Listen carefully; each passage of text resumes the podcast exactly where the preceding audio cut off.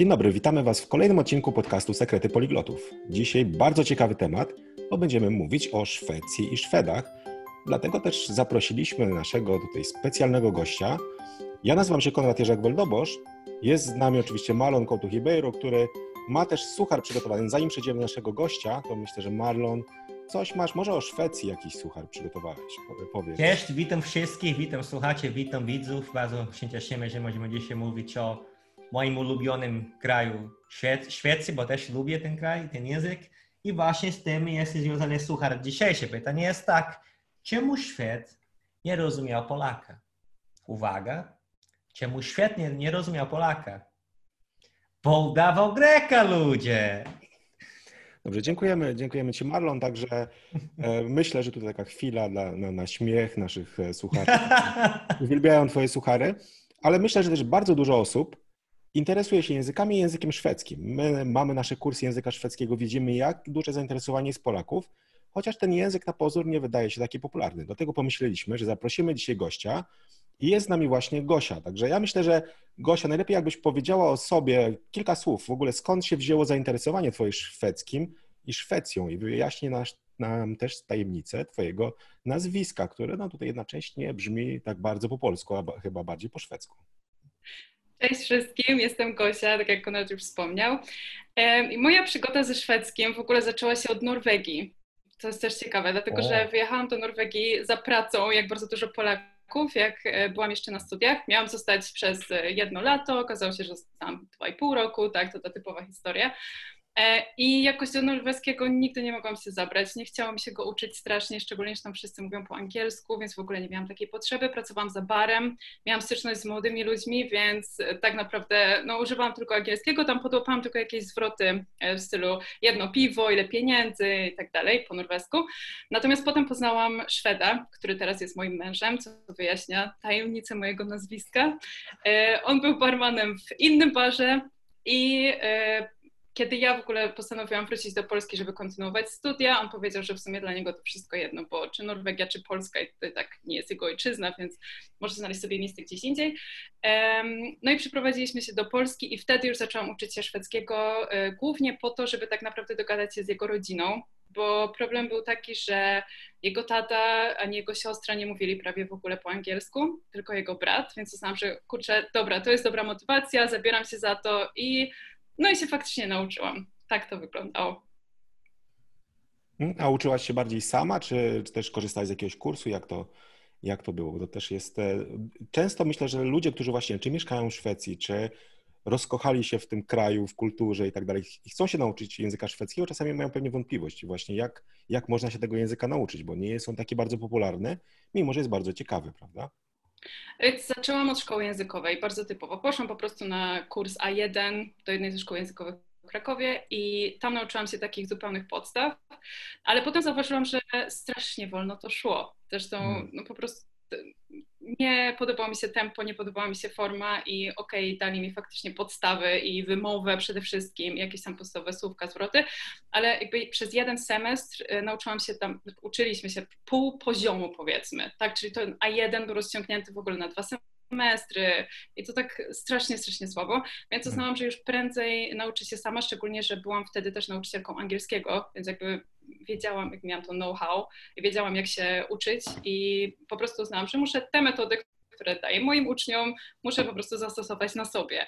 Czyli zaczęłam oglądać seriale, robiłam sobie fiszki, gadałam z moim mężem, tak, chociaż to nie było wcale łatwe, bo też dla niego to było dziwne, przez to, że gadaliśmy zwykle po angielsku, ale tak, bardzo dużo rzeczy po prostu zrobiłam sama. O ile zaczęłam właśnie z nauczycielem, to później uznałam, że to nie ma sensu.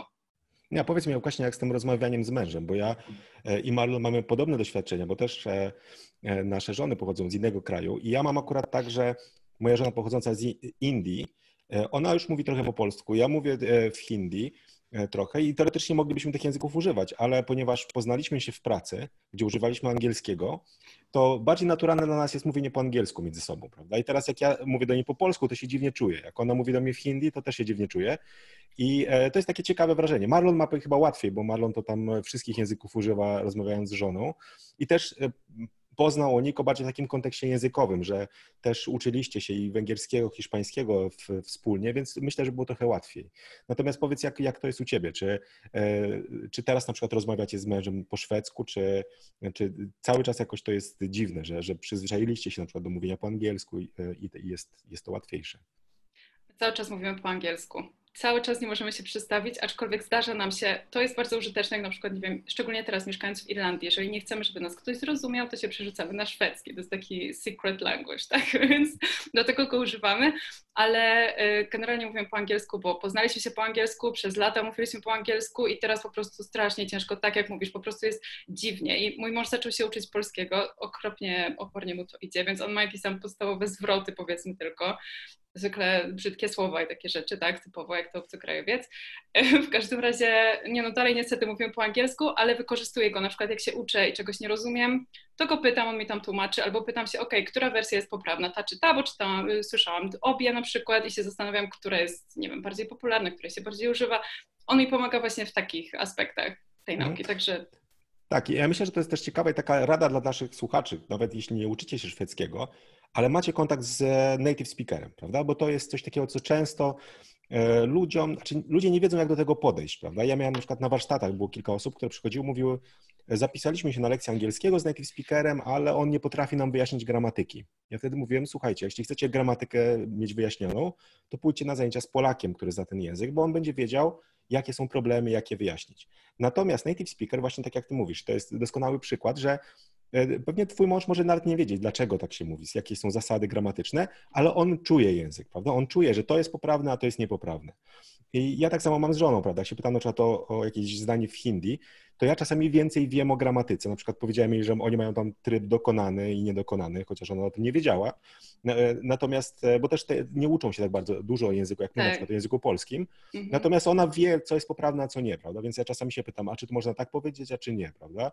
Ja się pytam, a w jakich sytuacjach możesz tego użyć słowa? Ona mówi, nie wiem, w każdych, to jest to samo. Ale jak się zaczynam dopytywać o szczegóły, to wtedy właśnie to wychodzi. myślę, że jak macie kontakt z obcokrajowcem, z tym native speakerem, to dobrze jest właśnie testować różne rozwiązania, żeby zobaczyć, co jest naturalne, bo czasami mówimy poprawnie, ale nie do końca e, naturalnie. Nie wiem, jak Marlon, może tutaj też masz jakieś doświadczenia, jeśli chodzi o, o ten. A to, to, to naprawdę zależy od osoby, od mówcy, tak? Bo tak naprawdę w językoznawstwie się używa słowo i dialekt. I dialekt określa e, Twojego własnego użycia e, Twojego języka ojczystego, więc każdy inaczej używa własnego języka ojczystego i to, co jest dla mnie poprawne, w języku portugalskim mówionym nie będzie koniecznie poprawny dla drugiego Brazylijczyka, który pochodzi z innego stanu, z innego rejonu.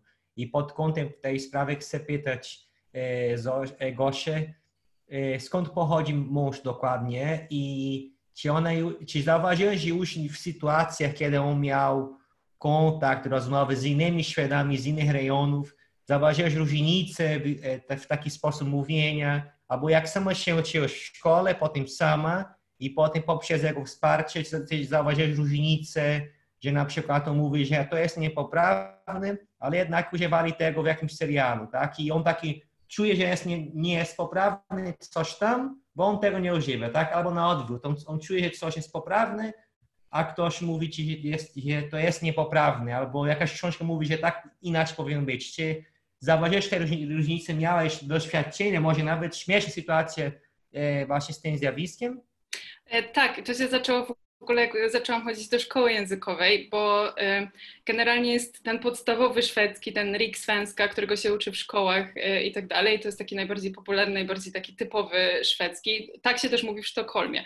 Natomiast potem jakby skonfrontowałam tą wiedzę, na przykład wymowę niektórych słówek z Johannem, z moim mężem i on mi powiedział, że nie, nie, nie, tak się nie mówi, tak mówią tylko w Sztokholmie, nie chcesz mówić tak jak w Sztokholmie. Ja takie, okej, okay. czyli ustaliliśmy to, że on nie jest ze Sztokholmu, on pochodzi w ogóle z lasu. Dosłownie jest y, domek w lesie, najbliższy sąsiad przez ogromne pole, które ma tam kilometr nie długości, więc y, to jest taki taka bardzo szwedzka natura i tak dalej. Natomiast to jest mniej więcej między... Ale, ale w jakimś sensie bardzo szwedzka natura?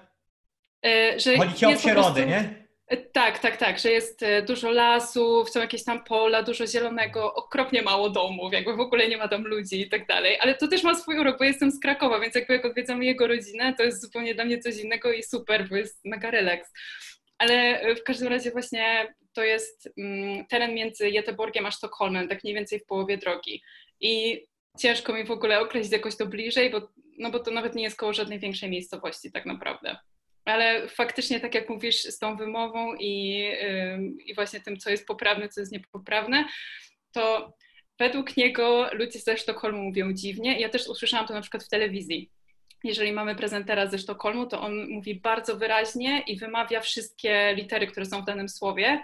Natomiast z kolei tam w rejonach Johanna jest tak, że oni pomijają bardzo dużo dużo, y, dużo liter, skracają te słowa. Bardzo dużo pojawia się też um, tych takich dziwnych szwedzkich dźwięków stylu e i e, tak, te wszystkie dziwne litery w alfabecie.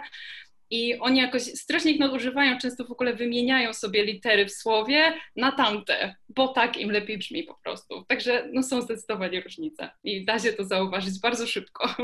Tak, ja, A w słownictwie też na przykład, czy są jakieś słowa, E, e, z których on korzysta, e, których nawet nie udało się znaleźć w słowniku, albo, albo które, których może tam inni świadni mówią, co to jest, czy coś takiego było, bo tak to się dzieje w różnych językach, tak, że w zależności od rejonu ta wymowa się zmienia, to słownictwo, ta gramatyka i tak dalej, nie?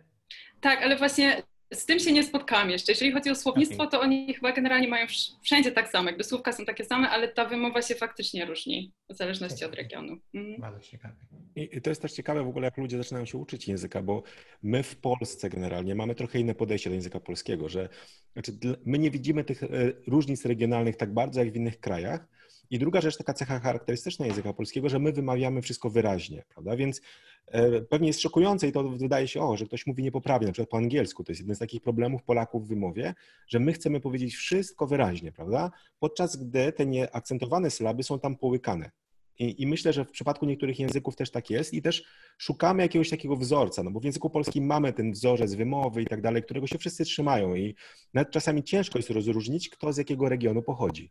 Natomiast e, czy właśnie w szwedzkim, czy w norweskim, mieliśmy na naszym kursie norweskiego właśnie wiele dyskusji, o, że tutaj w Oslo mówi się jakoś troszkę inaczej, wymawia, prawda, czy nawet, nawet sama nazwa tego miasta Oslo, prawda, że niektórzy mówią przez trzy, niektórzy przez sy. I rozmawialiśmy nawet z Norwegiem, który nagrywał dla nas zdanie. On mówi, słuchaj, po prostu w Norwegii każdy mówi jak chce trochę, więc to może być regionalne, ale może być też bardziej indywidualne, więc e, jest taka mieszanka, ale, ale myślę, że to jest taki urok też, e, też E, języka, prawda, że, że są te drobne różnice.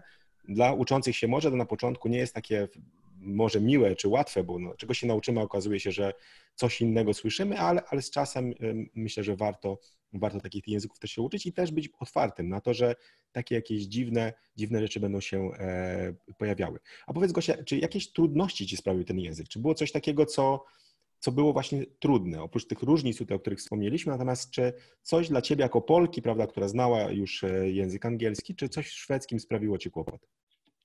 Tak, zdecydowanie wymowa. To jest po prostu, to, był, to było straszne na początku, ja ogóle uznałam, że ja nigdy nie będę mówić po szwedzku, to, jak to brzmi w ogóle, co to są za dźwięki. Ja, Polka, mówiąc, prawda, te wszystkie szyczy, o, e i tak dalej, i tak dalej, i też mówiąc po angielsku, nie, to jest zupełnie coś innego. Po prostu to mogę od razu powiedzieć, że to jest pewna trudność, wydaje mi się, dla wszystkich Polaków, chyba że ktoś miał styczność z jakimś językiem skandynawskim, bo to jest stosunkowo podobne, albo z niemieckim, bo y, Johan na przykład, mimo to, mój mąż, mimo to, że się nie uczył y, niemieckiego nigdy w szkole, to jest w stanie zrozumieć tam jakąś część Y, niemieckiego języka, więc może nie jakoś super, ale gdzieś tam łapie jakieś słówka, coś z kontekstu, także wydaje mi się, że brzmienie jest podobne, więc jak ktoś już miał styczność z jakimiś germańskimi językami, to wydaje mi się, że będzie łatwiej, natomiast dla mnie to zupełnie była jakaś czarna magia, to było straszne, aczkolwiek hmm. y, tylko na początku, bo okazało się, że to jest naprawdę łatwo przeskoczyć i wystarczy dużo mówić i ćwiczyć po prostu nawet za filmikami na YouTubie. Wystarczy sobie włączyć po prostu szwedzki alfabet i ćwiczyć te głoski, ćwiczyć te słówka i potem to już bardzo naturalnie przechodzi. Także to też nie jest takie straszne już po jakimś czasie.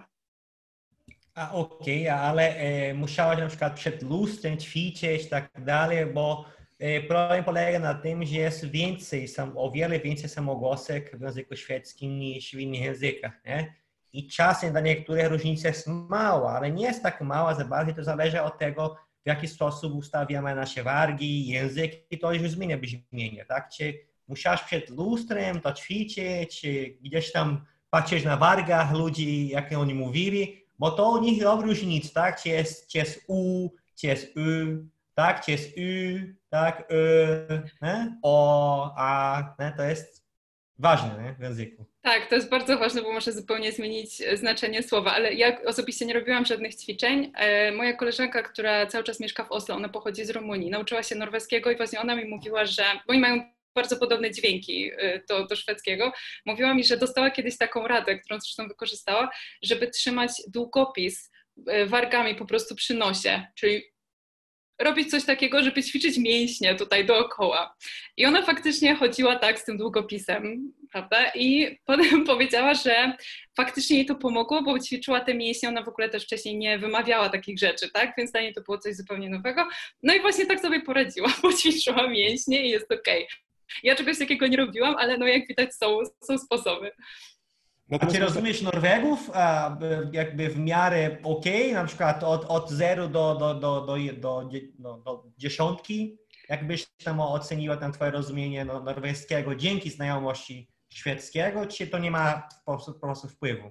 Wiesz co, dla mnie jest trochę, ja bym oceniła tak na cztery, szczerze powiedziawszy, ale z kolei Szwed zrozumie Norwega, Norweg zrozumie Szweda. To jest chyba kwestia tego, że szwedzki to jest mój kolejny język i po prostu norweski jest dla mnie nie wiem, brzmi trochę dziwnie, bo oni mają jednak troszeczkę inną tą wymowę, trochę inne słowa, czasami jedno słowo po szwedzku znaczy coś zupełnie innego po norwesku, ciężko to załapać, e, aczkolwiek na przykład Johan Szwed pracuje po norwesku i dla niego on się nigdy nie uczył norweskiego, po prostu tak mu to przyszło naturalnie, więc e, między Szwedami a Norwegami nie masz takiej e, dużej różnicy z tego, co zauważyłam, ale też z kolei to chyba zależy od miejsca, z którego się pochodzi, od dialektu, tak, i, i tak dalej. Czy się rozmawia właśnie z człowiekiem z Oslo, czy z jakiejś tam małej wioski, gdzie mówią zupełnie inaczej. Więc to wszystko, to zależy, tak, to wszystko zależy. Tak, i tutaj pewnie też jest e, różnica taka, że w języku pisanym na przykład jest dużo łatwiej, czyli Szwed, który otrzyma tekst w języku norweskim, może spokojnie sobie z nim poradzić. Ja pamiętam z mojego doświadczenia z e, pracy w korporacji, prawda, ostatnio mieliśmy odcinek o, o, o tym i też zachęcałem do nauki języków skandynawskich, bo jest wiele ciekawych właśnie ofert pracy dla osób, które znają te języki. I tam to, co było ciekawe, było, że właśnie często, gdy praca wymagała tylko czytania, to jeśli osoba znała szwedzki, to ona też mogła sobie poradzić z norweskim. Oczywiście musiała znać ten szwedzki na bardzo dobrym poziomie, bo to wtedy e, czasami tak jak po polsku powiedzmy, jak Marlon zna dobrze język polski, to jest w stanie zrozumieć też e, na przykład, nie wiem, język czeski czy rosyjski trochę, bo zna te słowa, które są na przykład rzadko używane po polsku, a, a na przykład mamy słowo gaworzyć, prawda, i mamy e, po rosyjsku mówić, prawda, czy, czy w innych językach słowiańskich jest bardzo podobnie, więc są te podobieństwa. Natomiast w przypadku języka szwedzkiego, norweskiego to, to, to, to dobrze działało, ale na przykład już duński był trochę trudniejszy, prawda? Czyli już trzeba było raczej kogoś znać, kto zna duński, bo, bo oczywiście e, te osoby, które znają szwedzki albo norweski, już miały większy problem z tym, żeby sobie poradzić z tym językiem. E, no nie mówiąc o mówieniu, bo tam już są dużo większe, dużo większe różnice, więc to też jest ciekawe właśnie, jak to, jak ta taka powiedzmy językowa to, że uczymy się jednego języka może, a drugi dostajemy w prezencie trochę, prawda? Bo tak jak nie chciałaś uczyć się norweskiego, nagle okazuje się, że lepiej sobie radzisz. A powiedz mi o tej, bo szwedzki ma taki, norweski zresztą też, one mają taką specyficzną intonację. Jak ci z tą intonacją szło? Czy był jakiś problem? Czy to dla ciebie na przykład brzmiało dziwnie? Bo to, bo to jest jedna, jeden z tych kłopotów, że właśnie może śmiesznie dla Polaków brzmi to, jak oni akcentują, prawda? Że tam nie, nie są nawet słowa, ale całe zdania są e, bardzo tak melodyjnie wypowiadane. Tak, to jest też mega śmieszne, jak nasłuchałam się Norwegów, którzy mówili tak gdzieś tam w Oslo i tak dalej, to oni mówili bardzo do góry, taki, taki był układ zdania, tak, do góry, a Szwedzi z kolei też mają właśnie tą intonację, ale ona idzie w dół i też jest ta melodia, tylko oni jakby kończą to zdanie, masz takie, takie poczucie domknięcia, powiedzmy, jakich słuchasz, a z Norwegami jest tak, że czekasz jakby na ciąg dalszy, albo nie wiem, na refren piosenki, albo coś takiego. I to było dla mnie trochę śmieszne y, i nie mogłam się za bardzo do tego przyzwyczaić, to przyznam, że brzmiało to nienaturalnie. Jak mówiłam po szwedzku na początku, to mówiłam z polską intonacją, czyli tak dość płasko, jakby nie, nie miałam tej takiej szwedzkiej y, śpiewności w tym wszystkim, ale jakby jak się tego słucha, y, nie, nie wiem, na przykład ogląda się telewizję czy, czy cokolwiek właśnie y, szwedzką, to przychodzi to później, po prostu zaczyna się powtarzać już akcentując odpowiednio i właśnie ta melodyjność przychodzi, także no, czasem to faktycznie brzmi śmiesznie i tacy wow, wow, takie jest wrażenie po prostu tego języka, ale jakby to przychodzi, przychodzi naturalnie. Hmm. A jeszcze mam pytanie odnośnie Norwegów i Szwedów i może Duńczyków. Jak oni sobie nawzajem, e, nawzajem e, postrzegają? Bo na przykład skoro masz męża ze Szwecji, pracuje z Norwegami, może tam jest między, między wami tam on tam do ciebie opowiada jakieś tam żarty tam o tej Norwegii. Są na pewno jakieś, jakieś, jakieś e, prze, przekomarzanie się na pewno między nimi istnieje, tak jak między Brazylijczykami i Argentyńczykami, albo między Brazylijczykami a Portugalczykami na przykład, nie? A jak temu, jak to jest, nie? To y, u nich jest tak, że Szwedzi myślą, że y, Norwedzy są głupsi, Norwedzy myślą, że Szwedzi są głupsi, generalnie tak to wygląda i oni mają to też zauważyłam, to jest strasznie śmieszne. Oni mają te same żarty, zmieniają tylko zamiast mówić Szwed coś tam, coś tam, to powiedzą Norweg coś tam i żart jest dokładnie ten sam. Także po prostu to jest takie back and forth cały czas. Podobnie do Brazylii i do Portugalii. Ja rozmawiałem z Ricardo, zresztą znasz Ricardo, nie? nasz kolega Portugalczyk i, i, i tak wyszło tak, tak, tak kilka razy, że on mi coś, jakiś żart opowiadał Brazylijczykiem, mówię, czekaj, ja znam te żarty w innej wersji. Tutaj, tutaj Brazylczyk coś robi, nie Portugalczyk. No ciekawe opowiadasz. Nie, to też jest ciekawe także jak ludzie dobierają te nacje do dowcipów, prawda? Czyli w hmm. Polsce kiedyś, ja z czasów dinozaurów pochodzę, prawda? Czyli był, był ten słynny dowcip Polak, Rusek i Niemiec, prawda? Natomiast też ciekawe było, jakie te cechy były, prawda? I tam generalnie w tym, tak. w tym dowcipie, gdzie mieliśmy te e, Polaka, Niemca i Rosjanina, to Polak, e, nie było tak, że ktoś był głupi, tylko często Polak był taki trochę naiwny, trochę może robił jakieś dziwne rzeczy, prawda, i tak dalej. Natomiast w innych e, e krajach no, jest tak, że właśnie jest jakiś naród, który jest uważany za taki głupszy. Prawda? We Francji taką mhm. rolę pełnią Belgowie, prawda? Czyli wszystkie dowcipy, które są o Belgach, to właśnie pokazują, że ci Belgowie są tacy nie za bardzo zaradni. Natomiast miałem znajomego e, Kanadyjczyka, który opowiadał dowcipy o idzie Kanadyjczyk, Amerykanin i Meksykanin, prawda? I, i wtedy też e, to się dopasowuje. Ale to jest ciekawe właśnie, że ci Szwedzi i Norwedzy tak nawzajem, prawda? Bo na przykład Portugalczycy i Brazylijczycy to jest trochę inaczej też, że myślę, że Brazylijczycy bardziej postrzegają Portugalczyków jako właśnie tych głupszych, a Portugalczycy Brazylijczyków trochę inaczej. Czasami może niektóre dowcipy e, tak, e, e, gdzieś tam się pojawiają, ale, ale to nie jest tak właśnie jeden do jednego. Tutaj być może jest właśnie tak, że ci Szwedzi, Norwegowie gdzieś, gdzieś tak jakby nawzajem, czy mają te same dowcipy i tylko zamieniają, zamieniają te, te, te nacje, prawda? Więc to jest, to jest, to jest ciekawe. A powiedz mi, jak oni, czy, czy wiesz na przykład, jak oni postrzegają ten język? Czy tak jak na przykład, nie wiem, Czesi się z Polaków śmieją, że my mamy słowo samochód, prawda, że albo samolot. Jak to samolot, prawda, że samolot, a u nich e, samolot to jest letadlo, prawda? Dla nas jest śmieszne, no bo takie latadło, a oni się śmieją, bo mamy samolot, że to jest, e, prawda, czyli każdy trochę się śmieje, czasami na przykład uznajemy język za śpiewny i tak dalej, a czy Szwedzi, nie wiesz, i Norwegowie, czy oni jakoś nawzajem podstrzegają ten swój język, może jakoś, który jest podobny, ale tak jak mówisz, to jest ta inna intonacja, czy oni to mhm. zauważają, czy jakoś może odnoszą się do tego, mówią, że nie, że jest to dziwne, czy E, czy ciekawe, jak, jak to jest? Znaczy, mogę powiedzieć y, jakby z własnego doświadczenia, z tego, co Johan mi też opowiada i on mówi, że jejku, ten norweski to brzmi jak taki szwedzki dla dzieci. Generalnie, czyli oni uważają, że... tak, oni po prostu, nie wiem, jakby nie chcę też generalizować, bo szczerze mówiąc, jakby nie mhm. słyszałam też, powiedzmy tam, nie mam odpowiednio reprezentatywnej grupy, żeby tutaj y, jakieś statystyki przedstawiać, ale E, to słyszałam właśnie, że norweski jest taki bardzo uproszczony w porównaniu do szwedzkiego. Mm. Nie wiem, czy tak do końca jest, aczkolwiek wydaje mi się, że faktycznie może szwedzki leksykalnie jest troszeczkę trudniejszy, aczkolwiek no ciężko mi stwierdzić, jako osobie, osobie z boku, ale tak, no śmieję się z siebie, natomiast e, nie słyszałam Norwega, który by mówił coś na temat szwedzkiego, więc tutaj nie wiem, nie wiem jak to wygląda. Po prostu wiem, że mhm. duński z kolei jest obiektem żartów non-stop, dlatego że oni mówią tak niby po norwesku, ale z ziemniakami w gardle, nie? Generalnie jest e, taki stereotyp. I też zresztą Skone, ta, e, ten teren na południu Szwecji, tam mówią też, ja na przykład nie jestem w stanie często zrozumieć osoby ze Skony, to, że znam szwedzki, to dla mnie ten akcent, ta wymowa jest po prostu nie do przejścia. Oni mówią bardzo podobnie do duńskiego.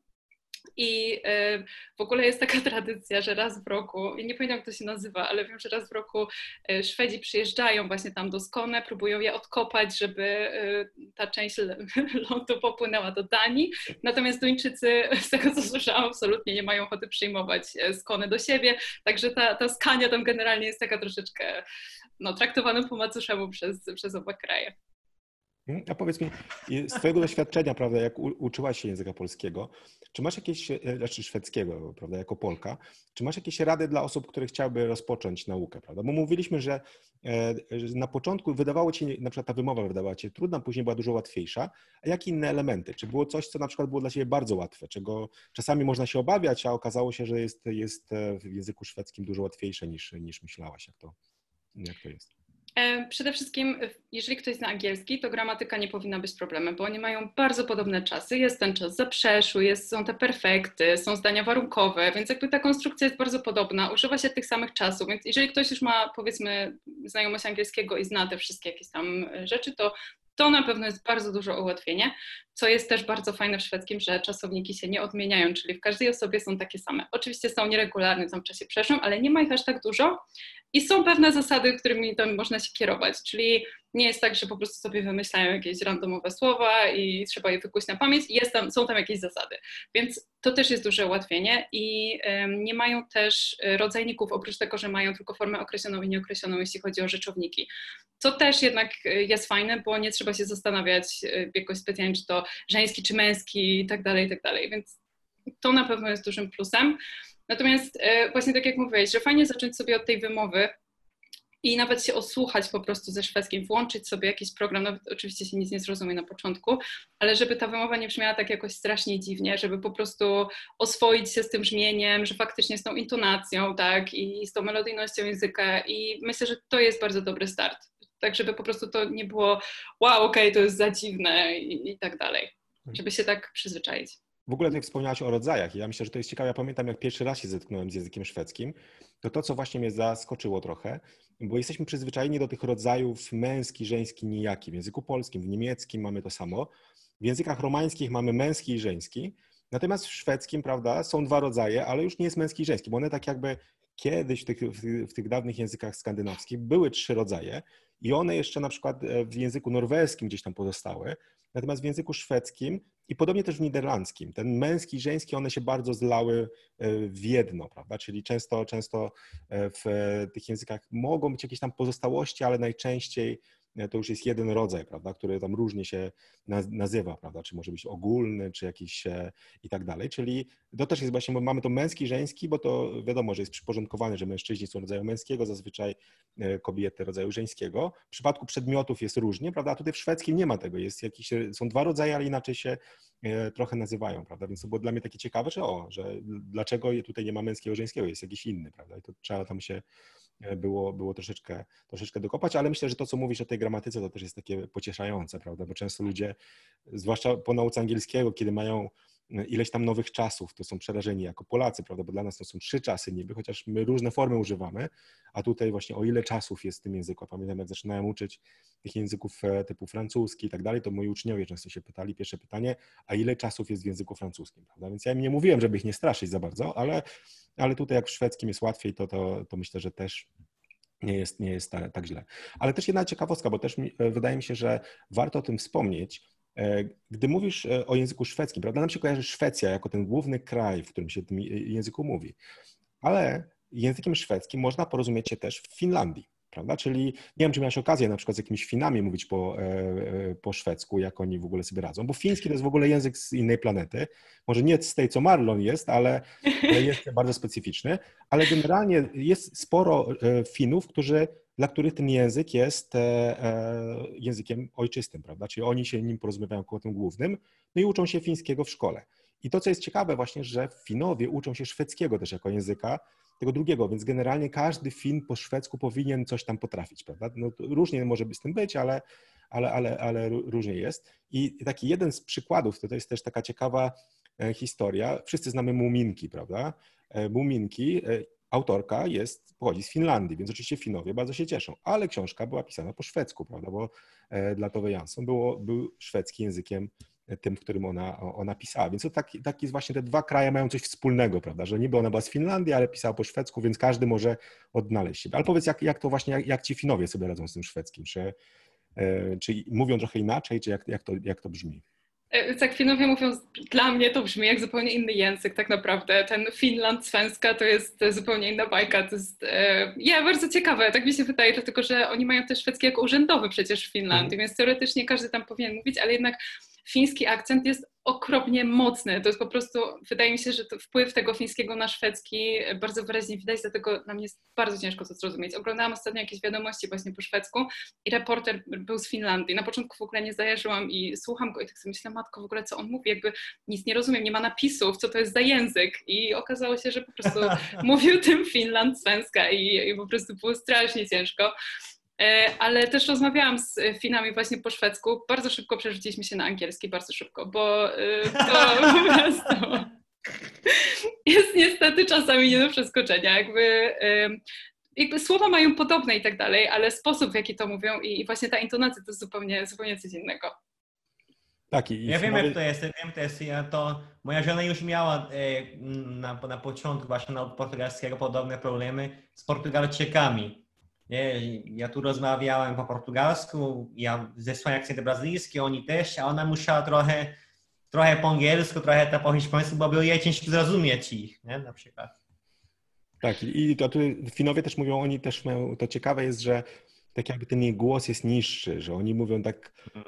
tak jakby obniżają głos i to, to ciekawie brzmi. Że, i, i, to właściwie słychać w każdym języku, którym o, oni się porozumiewają. Ja też e, mam jednego dobrego znajomego w Finlandii, tam często, często go odwiedzałem i jak on mówi po angielsku, no to ja praktycznie słyszę już e, teraz na ulicy, jak ktoś jakiś film mówi po angielsku, jestem w stanie wyłapać, że to jest, on jest z Finlandii, bo, bo ten sposób jest taki bardzo charakterystyczny i domyślam się, że właśnie w szwedzkim no też gdzieś taka pieczęść e, tej, tej fińskiej wymowy e, będzie na tym, ale to też jest, to też jest ciekawe właśnie, że ci Finowie, oni uczą się szwedzkiego i ten szwedzki jest dla nich trudny, prawda, bo ich język jest zupełnie niepodobny do tych języków e, e, europejskich czy, czy germańskich, prawda, czyli on ma też, jeśli chodzi o słownictwo, jeśli chodzi o e, samą wymowę, jest, jest zupełnie, zupełnie inny, więc to jest to spore, spore dla nich wyzwanie. A jeszcze takie, takie pytanie, bo mówimy tu o nauce języka szwedzkiego, ale zawsze ta nauka prowadzi trochę do tych, tej wymiany kulturowej, prawda? Czyli, że my dowiadujemy się czegoś o Szwedach, Szwedzi o Polakach i powiedz mi, jak to, jak to jest z Twojej perspektywy? Jak, czy, jakie są takie różnice? Bo na pewno jakieś różnice zauważyłaś e, tutaj mieszkając ze swoim mężem Szwedem. E, czy coś było takiego, co Cię zaskoczyło na przykład, że on jakoś inaczej zupełnie do pewnej rzeczy podchodzi, czy jakieś rzeczy są dla niego naturalne, podczas gdy dla nas są e, dziwne, prawda? Jak to, jak to w przypadku właśnie Polaków i Szwedów jest? To mi się najbardziej, e, że tak powiem, rzuciły te nasze różnice kulturowe, jak e, nasze rodziny się poznawały, że już się tam poznali gdzieś na naturalnym gruncie, ale w pewnym momencie moi rodzice, jak e, rodzina Johana była w Polsce, zaprosili mm, po prostu do siebie.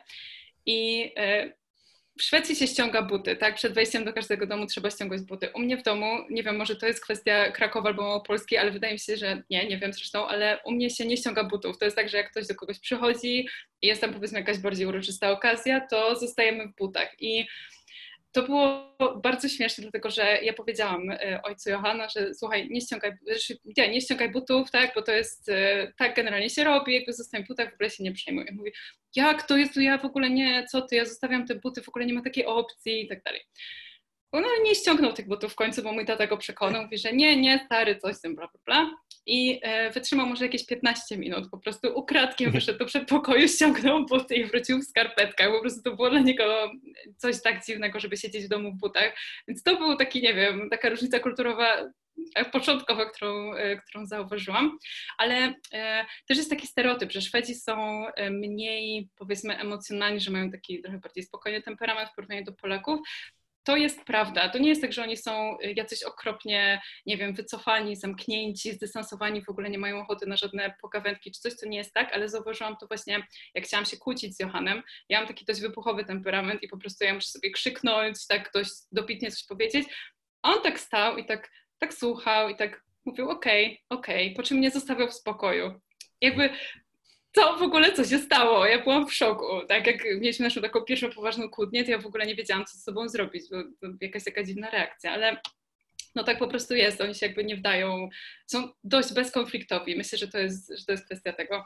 takie, to mi się bardzo, bardzo rzuciło jako różnica właśnie, bo u mnie w domu też wszyscy są tacy bardzo emocjonalni, jakby nie kryjemy się za bardzo, nie udajemy, że coś jest nie tak, tylko tak wyrażamy to. Myślę, że Polacy są tak jakby pomiędzy, prawda? Bo są te kultury południowe i tutaj Marlon jest tutaj takim przedstawicielem, prawda? Że on e, jeszcze się nie rozpłakał dzisiaj na podcaście, ale, ale myślę, że jak coś powiemy wzruszającego, to na pewno tutaj będzie uronił łzę, prawda? Ale generalnie e, to są, to są ludzie, którzy też e, na przykład południowcy, gdy spotykają zupełnie nieznane osoby na ulicy i tak dalej, prowadzą rozmowy, które dla nas to są rozmowy najbliższych przyjaciół, prawda? Bo e, tak jakby się znali od lat. Natomiast Polacy gdzieś w relacjach z nieznanymi osobami, my jesteśmy chłodni, prawda? Czyli mówimy tam dzień dobry może i tak dalej, ale nie nawiązujemy jakichś e, takich głębszych relacji z ludźmi, których nie znamy, prawda? Czyli możemy jechać w pociągu w jednym przedziale i nie będziemy rozmawiali z naszymi tutaj współtowarzyszami podróży.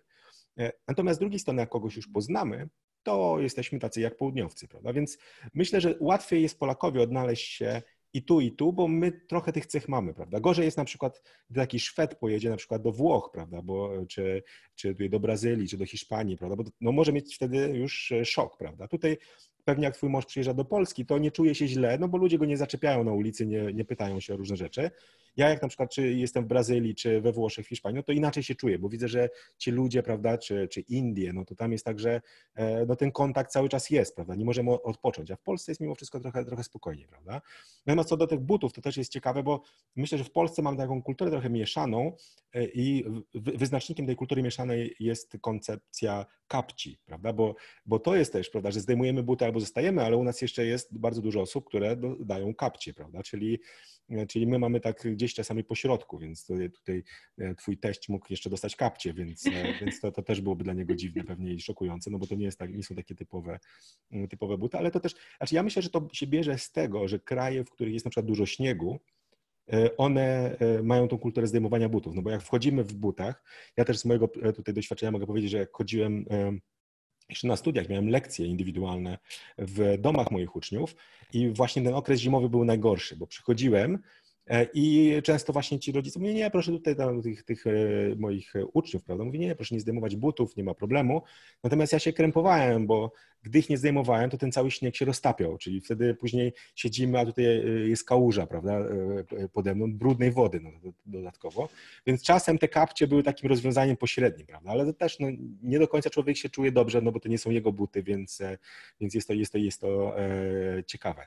A, ale powiedz, czy jeszcze jakieś były takie właśnie może z tego spotkania twoich e, tutaj rodziców z teściami, bo to, to, to myślę, że te starsze pokolenia są jeszcze bardziej te, te, różnice u nich widać, prawda? Bo e, im jesteśmy młodsi, tym to, to, bardziej ten zglobalizowany świat, że my znamy różne kultury, my trochę bardziej się dopasowujemy, a ci ludzie starsi mają czasem swoje przekonanie, które ciężko, e, ciężko zmienić. Jak to, jak to jest? Czy coś jeszcze oprócz tych butów?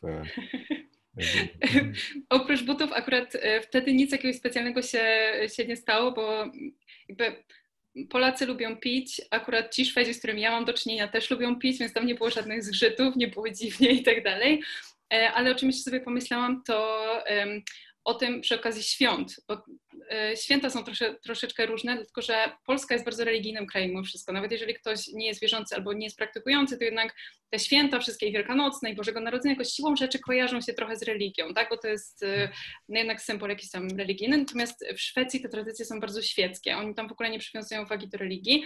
Też jest kwestia tego, że tam jest w większości e, luteranizm, więc też jest troszeczkę inaczej ale jakby podczas Bożego Narodzenia czy podczas Wielkanocy chodzi tylko o to, żeby być z rodziną. Nikt absolutnie nawet nie wspomina o tym religijnym aspekcie, co dla mnie też było trochę w szoku, bo ile nie jestem jakoś super religijna, to mnie domu gdzieś tam zawsze te akcenty się pojawiały, natomiast w Szwecji y, zupełnie nie. Więc to też jest taka dość, dość duża różnica. I okazało się, że w ogóle większość ludzi w Szwecji wypisuje się z kościoła, że tak powiem, bo nałożyli tam podatek od kościoła, więc y, po prostu wszyscy uznali, że łatwiej będzie po prostu zaklarować się jako niewierzący, niepraktykujący i nie płacić tego podatku. Więc też tam jest y, troszkę inaczej, jeżeli chodzi o to. Tak, Polska jest taka jako państwo bardzo związana z kościołem, a Szwecja zupełnie w odwrotną hmm. stronę. Tak, ja, ja myślę, że w Szwecji jest trochę tak, że Szwedzi, oni są dani z tego, że są bardzo tolerancyjni i tak dalej, ale myślę, że to wynika z tego, że oni też chcą, żeby ludzie się dobrze czuli, prawda, czyli w ich kraju i tak dalej, czyli oni e, i trochę inaczej niż Polacy, bo my Polacy tam postawimy się i chcemy, żeby było po naszemu, prawda? Natomiast oni często rezygnują z czegoś, co jest im bliskie, po to, żeby e, nie, nie urazić kogoś, prawda? Czyli to jest taki e, trochę, trochę inne podejście i my jako Polacy możemy tego nie rozumieć, natomiast myślę, że to jest też ciekawe, bo to też pozwala na stworzenie takiego właśnie, taki Y, wielokulturowości, prawda, czyli, e, czyli dodania nowych osób, prawda, i tutaj no, jakbyśmy spojrzeli, prawda, na najwięksi bohaterowie Szwecji, na przykład w piłce nożnej mieliśmy e, Zlatana, który jest oczywiście Slatanem, prawda, przez wymawianym Ibrahimowiczem. E, dla niej wielki bohater, ale to jest ciekawa postać, prawda, bo to jest taki tygiel, prawda, bo on ma bośniackie i chyba chorwackie korzenie, przeprowadził się, prawda, czy urodził się w Szwecji, więc czuje się Szwedem, ale też jeździł po całym świecie, więc natomiast oni, ja pamiętam, jak rozmawiałem właśnie ze, ze Szwedami, to też bardzo pozytywnie właśnie traktowali, że to jest taki przykład e, naszej kultury, prawda, że my jesteśmy otwarci, że przyjmujemy ludzi, że jesteśmy e, otwarci też na to, żeby oni się dobrze u nas czuli, prawda, przede wszystkim chcemy na to zwrócić uwagę, więc to, więc to, to jest właśnie ciekawy taki, e, taki aspekt tej, tej kultury właśnie też, że czego czasami nam Polakom może brakować, prawda, my gdzieś tam trzymamy się naszych tradycji dużo, dużo bardziej. No, różnie to bywa też, jeśli chodzi o pokolenia, ale, ale też myślę, że to też pewnie jest coś, co, co można, można gdzieś zauważyć. I nie wiem, czy na przykład ty zauważyłaś po swoim mężu, że on na przykład gdy są jacyś goście i tak dalej, czy on właśnie jest bardziej taki nastawiony na to, żeby się do nich dopasować, też żeby im było, było tak, na takich, tutaj mówimy o takich dużych sytuacjach, prawda, kiedy mamy e, grupy osób z innych krajów, ale czy takich codziennych sytuacjach, prawda, czy widzisz, że on jest bardziej taki, dostosowuje się do pewnych rzeczy, bo chce, żeby ludzie się czuli dobrze, jak, jak, to, jak to e, postrzegasz? Ciekawe, bo nie myślałam o tym nigdy, nie zastanawiałam się, ale teraz jak właśnie tak staram się sobie przypomnieć niektóre sytuacje, to może faktycznie, nie jest to może jakoś tak bardzo oczywiste i nie wiem, nachalne powiedzmy, ale, ale faktycznie jest tak, że Johan w tej swojej całej bezkonfliktowości też jest y, właśnie taki bardziej okej, okay, spoko, jeżeli tak ci pasuje, to dobrze i, i tak dalej. No faktycznie. No to, to, muszę, muszę na to zwrócić uwagę bardziej. Ciekawe. A czy, czy są jakieś inne e, rzeczy, które Ciebie zaskoczyła właśnie w, ich kulturze, w ich tradycjach, w ich zwyczajach świeckich po prostu, albo w tej codzienności, jeżeli chodzi o ich podejście do, do problemów, do życia, czy jakieś ciekawe rzeczy, wiesz, takie pozytywne, które może tam zaskoczyły Ciebie, nie?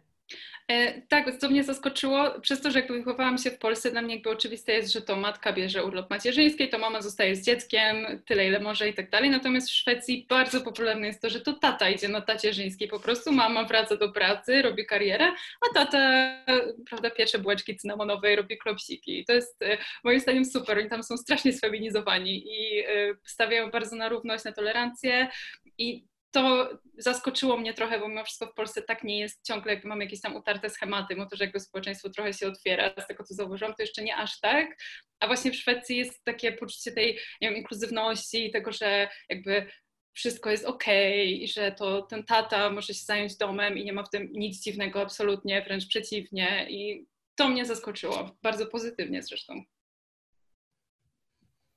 A powiedz mi, co Szwedzi myślą o Polakach, czy oni, jak na, nas postrzegają, bo myślę, że dużo tutaj zrobiło pewnie to, że w latach 80., na przykład lat 90. sporo osób wyjeżdżało do pracy do Szwecji, prawda, więc też myślę, że Szwedzi mieli więcej kontaktu z Polakami niż Polacy ze Szwedami, chociaż tak jakbyśmy spojrzeli na, na to, co taki przeciętny Polak wie o Szwecji, to myślę, że sporo rzeczy nam się kojarzy ze Szwecją, prawda? Mamy od e, tych sklepów słynnych Ikei, prawda, po te klopsiki, o których tutaj wspominałaś, prawda? Czyli ludzie mają skojarzenia takie i, i trochę kulinarne, i z właśnie jakie marki są, e, pochodzą ze Szwecji, ale też i w, e, powiedzmy literatura dziecięca, prawda? Mamy książki Astrid Lindgren, prawda? Czyli mamy wiele takich postaci. Ja sam pamiętam tego słynnego Emila Zenneberg, jakby mały oglądałem serial, prawda? Więc ten język nawet szwedzki, prawda? Czyli te Pippi Langstrumpf i tak dalej, te, te, te gdzieś te elementy, one się przewijały, prawda? Więc dla nas one są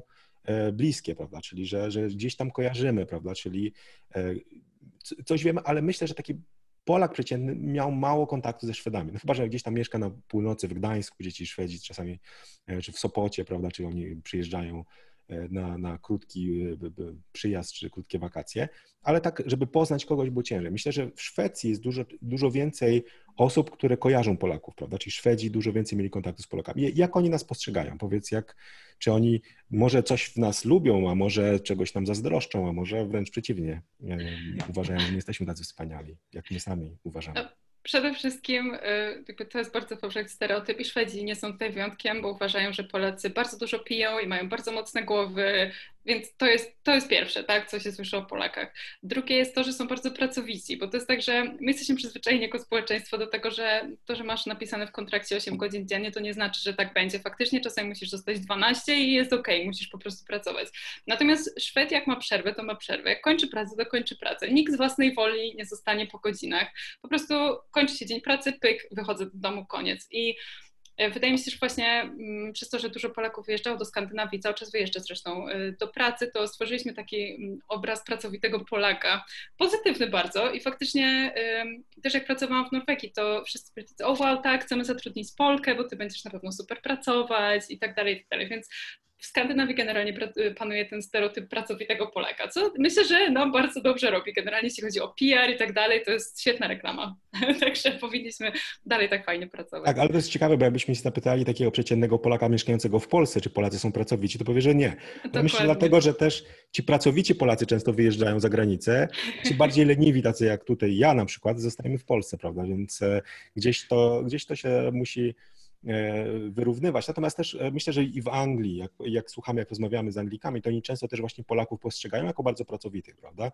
Podobnie w Stanach Zjednoczonych, czyli ta, całe te fale emigracji, które gdzieś tam e, były, to, to były osoby bardzo często, które chciały pracować, prawda? Że one wyjeżdżały po to, żeby rzeczywiście poświęcić się pracy, więc taki stereotyp, który właśnie, jak mówisz, jest bardzo pozytywny, prawda? Że lepiej być postrzeganym jako właśnie pracowitym niż jako jakimś leniwym. Natomiast to nam, to nam pomagało. Ja pamiętam nawet kiedyś, jak byłem pierwszy raz w Irlandii i e, słyszałem, że no, tak ludzie mówią, o, tam wiesz, szedł po Dublinie, to tylko po polsku będziesz słyszał rozmowy. No więc ja pierwszy e, przyjechałem tam rano, więc koło tak południa, troszeczkę tak wczesnym popołudniem wyszedłem na spacer i mówię, nie widzę żadnych Polaków, prawda? Po czym się okazało, że gdy byłem w restauracji, to wszyscy pracowali, prawda? Czyli widziałem jakichś ludzi z Ameryki Południowej, turystów z innych krajów, którzy sobie gdzieś tam chodzili po Dublinie w ciągu dnia, a Polacy ciężko pracowali. I później, gdzie nie miałem y, kontaktu z jakimiś właśnie ludźmi, którzy pracują, no to często właśnie byli Polacy. Także myślę, że ten stereotyp jest, e, jest gdzieś, e, no i to, ale myślę, że pozytywny, więc, e, więc my wolę, żebyśmy byli tak postrzegani, prawda, niż, niż inaczej. A, a powiedz mi, jak też ci Polacy może, którzy może mieszkają za, za granicą, jak oni postrzegają właśnie, czy Szwedów, czy może też Norwegów, jak, e, czy, czy jest im łatwo tam, czy nie? Bo myślę, że sporo osób też, które, które trafi tutaj na nasz podcast, to mogą być ludzie, którzy albo mieszkają już w Skandynawii, albo może planują wyjazd, prawda? Czyli jak, jak z Twojej perspektywy, czy to są takie dobre miejsca do, do tego, żeby tam zamieszkać, czy, e, czy ludzie, którzy tam mieszkają też są przyjaźni, prawda, przyjaźnie nastawieni do nas. Jak to, jak to wygląda? Ja bym dodał jeszcze do, do tego pytania, gdybyś miała jakąś radę na przykład dla, dla tych, którzy chcą wyjechać, na podstawie Twojego doświadczenia też, też mogłabyś coś powiedzieć. Okay?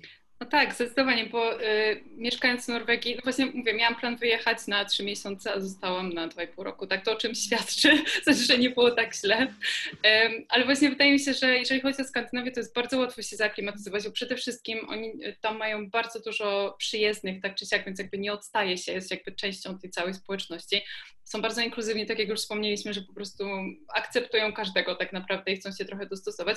Więc jeżeli chodzi o, nie wiem, pracę, mieszkanie tam i funkcjonowanie, to wydaje mi się, że Skandynawia jest świetnym miejscem.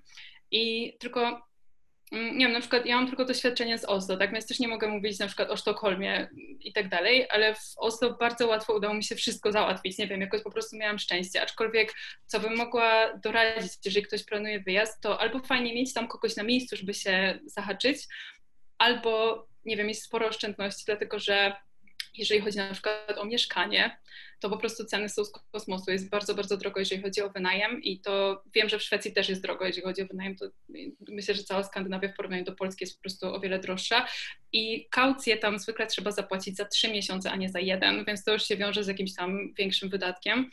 Dlatego warto albo właśnie już tam kogoś mieć, albo po prostu się przygotować na to, że finansowo może być kiepsko na początku, aczkolwiek szybciutko można sobie to odrobić, bo jednak zarobki są proporcjonalne do cen. Także to też jest bardzo fajne. I y, generalnie łatwo poznać nowych ludzi. To jest y, bardzo duży plus Skandynawii, tak mi się wydaje, że mimo tych stereotypów zimny, niedostępny, tak, Skandynaw, to jednak na takim poziomie, powiedzmy, tym takim pierwszym, bardzo łatwo się nawiązuje takie jakieś tam lekkie znajomości. Także Skandynawia to jest super rejon. Polecam a czy, serdecznie. A czy, a czy ludzie mają problem z pogodą? Bo, bo tak, ludzie już się dziwią, że ja, Brazylijczyk, mieszkam tu w Polsce. Gdybym mieszkał we Szwecji, to chyba jeszcze by bardziej się dziwili, bo tu w Polsce mówią z kolei, że tam jest taka ponura pogoda w Szwecji, czy tam w Norwegii, że zimno, cały czas zima, cały czas śnieg. I jak to jest rzeczywiście?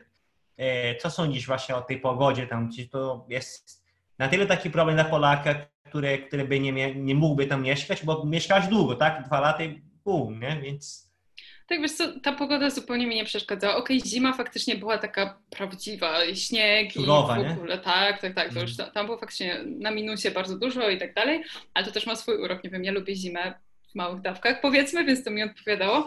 Ale lato z kolei, pamiętam moje ostatnie lato w Norwegii, było wspaniałe, po prostu prawie w ogóle nie padało, było słońce, cały czas przesiadywałam nad morzem. Także to też nie było tak, że lato trwa tydzień i trzeba wykorzystać te, te promienie słoneczne, które po prostu są nam dane, bo to już koniec i już w ogóle tyle na cały rok. To też e, zależy pewnie od roku, bo oni tam mają fluktuacje powiedzmy tej pogody, ale to nie jest jakiś duży problem. Jasne, że pada trochę częściej i ta jesień jest taka bardzo ponura i wiosna nie jest taka słoneczna, jakby się chciało powiedzmy, ale to nie jest, nie jest aż tak strasznie, nie wiem, to nie przeszkadza po prostu. Można się do tego przyzwyczaić. I o ile ktoś faktycznie nie jest fanem jakiejś, nie wiem, pogody 30 stopni plus przez pół roku, no to myślę, że spokojnie sobie da z tym radę. Mhm. Po, powiedz mi, bo też zastanawiałem się, jak mówiłaś o tych o tym łatwym nawiązywaniu znajomości. Czy myślisz, że to może wynika z tego, e, i tutaj też jeśli chodzi o Szwedów, e, że oni tam mają taki większe e, może zaufanie do siebie, prawda, niż my Polacy. I to też przekłada się na to, że to jest mniej zbiurokratyzowany kraj na pewno, prawda, czyli tak jak w Polsce musimy jakieś oświadczenia gdzieś tam wypełniać, no bo e, no nie można uwierzyć, że ktoś powie, że nie wiem, e, mieszka tu i tu, no musi napisać na kartce, mieszkam tu i tu, jeszcze się podpisać, to w tych krajach skandynawskich wydaje mi się, że ten poziom zaufania jest bardzo duży. Ja tutaj mogę taką krótką anegdotkę z Finlandii tutaj przytoczyć, jak z moim znajomym pojechaliśmy e, na, na północ Finlandii i zatrzymaliśmy się w takiej restauracji przydrożnej i tam były takie dwa pakiety do wyboru, prawda? Było e, jedzenie taki, no, ten szwedzki stół, prawda, czy bardziej fiński, czy jedna wersja wegetariańska, a druga z mięsem, prawda? I e, mój znajomy e, wykupił dwa takie zestawy z mięsem, ale ostatecznie poszedł tam, mówi, że mięso mi nie odpowiadało, więc jadłem zestaw wegetariański. No i okej. Okay. Dla mnie jako Polaka, no co my zrobimy? Po prostu wyszedł z restauracji, mówi poczekaj, Konrad, ja tutaj pójdę tylko do tego pana i poproszę go o zwrot różnicy za ten zestaw, prawda? I ja mówię, no to chyba oszalałeś, prawda? Jak, jak to w ogóle udowodnisz mu, że nie zjadłeś mięsa? Nie, nie, nie ma problemu. I on podszedł i powiedział, że nie zjadł mięsa, żeby dostał zwrot pieniędzy i ten człowiek mu oddał pieniądze, nawet nie sprawdzając jego rachunku, prawda? Co dla Polaków w ogóle wow, o co chodzi tutaj w, te, w, tej sytuacji. To był jeden z moich szoków. Drugi był mój szok taki, no trochę tutaj moja gafa, jak byliśmy już w takiej jadłodalni, gdzie tam e, ludzie przynosili e, naczynia, E, no i poziom zorganizowania. Polacy nie są tacy strasznie bałaganiarscy jak niektóre, niektóre nacje. Natomiast e, no, tam poziom zorganizowania był maksymalny, bo ja popełniłem największy błąd, bo włożyłem łyżkę do pude, e, brudną do pudełka na brudne widelce. No i tam już dwie osoby w szoku za mną stały w kolejce, żeby oddać naczynia i mnie tam już zaczęły szturchać, nie, nie, że tak nie wolno, prawda, i tak dalej. No więc, więc to było, ale, ale to poczucie zaufania społecznego to wydaje mi się jest, jest dużo większe w Skandynawii, prawda? Czyli już nie mówię o tych jakichś takich historiach jeszcze z lat 90., że gdzie słyszałem, że w Norwegii Polacy przyjeżdżali e, kraść meble ze sklepu, po prostu wchodzili, wynosili meble i sprzedawca myślał, że skoro wynoszą, to znaczy, że je kupili, prawda? Więc e, nawet się ich nie pytał. Więc, natomiast no, no myślę, że dla Polaków e, różnie to, e, to może być. Ale czy ty widzisz na przykład tak, że rzeczywiście jest takie poczucie większego zaufania, że to, co drugi człowiek chce tak jakby albo nam coś przekazać, albo powiedzieć, że Szwedzi mają większe zaufanie do tego, że on na przykład ich nie oszuka, czy że mówi prawdę, czy, czy widzisz to po swoim mężu i powiedz mi, jak on sobie radzi też z Polakami, którzy czasami kombinują bardzo i, i może mieć, mieć z tym problem chyba. E, tak więc masz rację, jeżeli chodzi o ten poziom zaufania społecznego, zdecydowanie. I to też e, pamiętam jeszcze, jak właśnie przyjechałam do Norwegii, musiałam załatwić sobie wszystkie papiery, to tak naprawdę przychodzisz, piszesz swój adres, nie potrzebujesz żadnej umowy, najmu, nic, zupełnie po prostu jakiś tam dowód osobisty i tyle. I to wystarcza. Jakby dla mnie to był szok dla papierologii w ogóle w Polsce i, i tak dalej. Także rację, że tam nie trzeba, nie trzeba się tak bardzo martwić. Faktycznie poziom zaufania jest bardzo duży. Natomiast tak, jeśli chodzi o Szweda w Polsce, to Johan mi wielokrotnie mówi, że mamy taką tendencję do kombinowania, że on w ogóle jakby nie, nie rozumie o co nam chodzi, że jakby nie możemy być tacy po prostu wprost, bez owijania w bawełny, tylko gdzieś tam boczkiem zawsze się coś znajdzie, albo wymyśla jakiś sposób, tak żeby zrobić, ale się nie narobić i tak dalej. On to zauważył faktycznie, mówił, że to, to był dla niego trochę szok kulturowy, to zdecydowanie, że właśnie tacy kombinatorzy z nas. No, coś w tym Ale w Brazylii mamy to samo, więc a, może się nau, nauczyliście się tego od nas. Nie wiem, kiedy, może. kiedy Polacy e, stykali się z Brazylijczykami, ale jakoś tam gdzieś wspólne źródło chyba to ma. Ja, ja bym powiedział, Marlon, że na południu Brazylii jest bardzo dużo Polaków, prawda? Więc ja myślę, że... To mnie nauczyliśmy się od was, bo tak. To już wiesz, skąd się pewne rzeczy wzięły tam. Tak.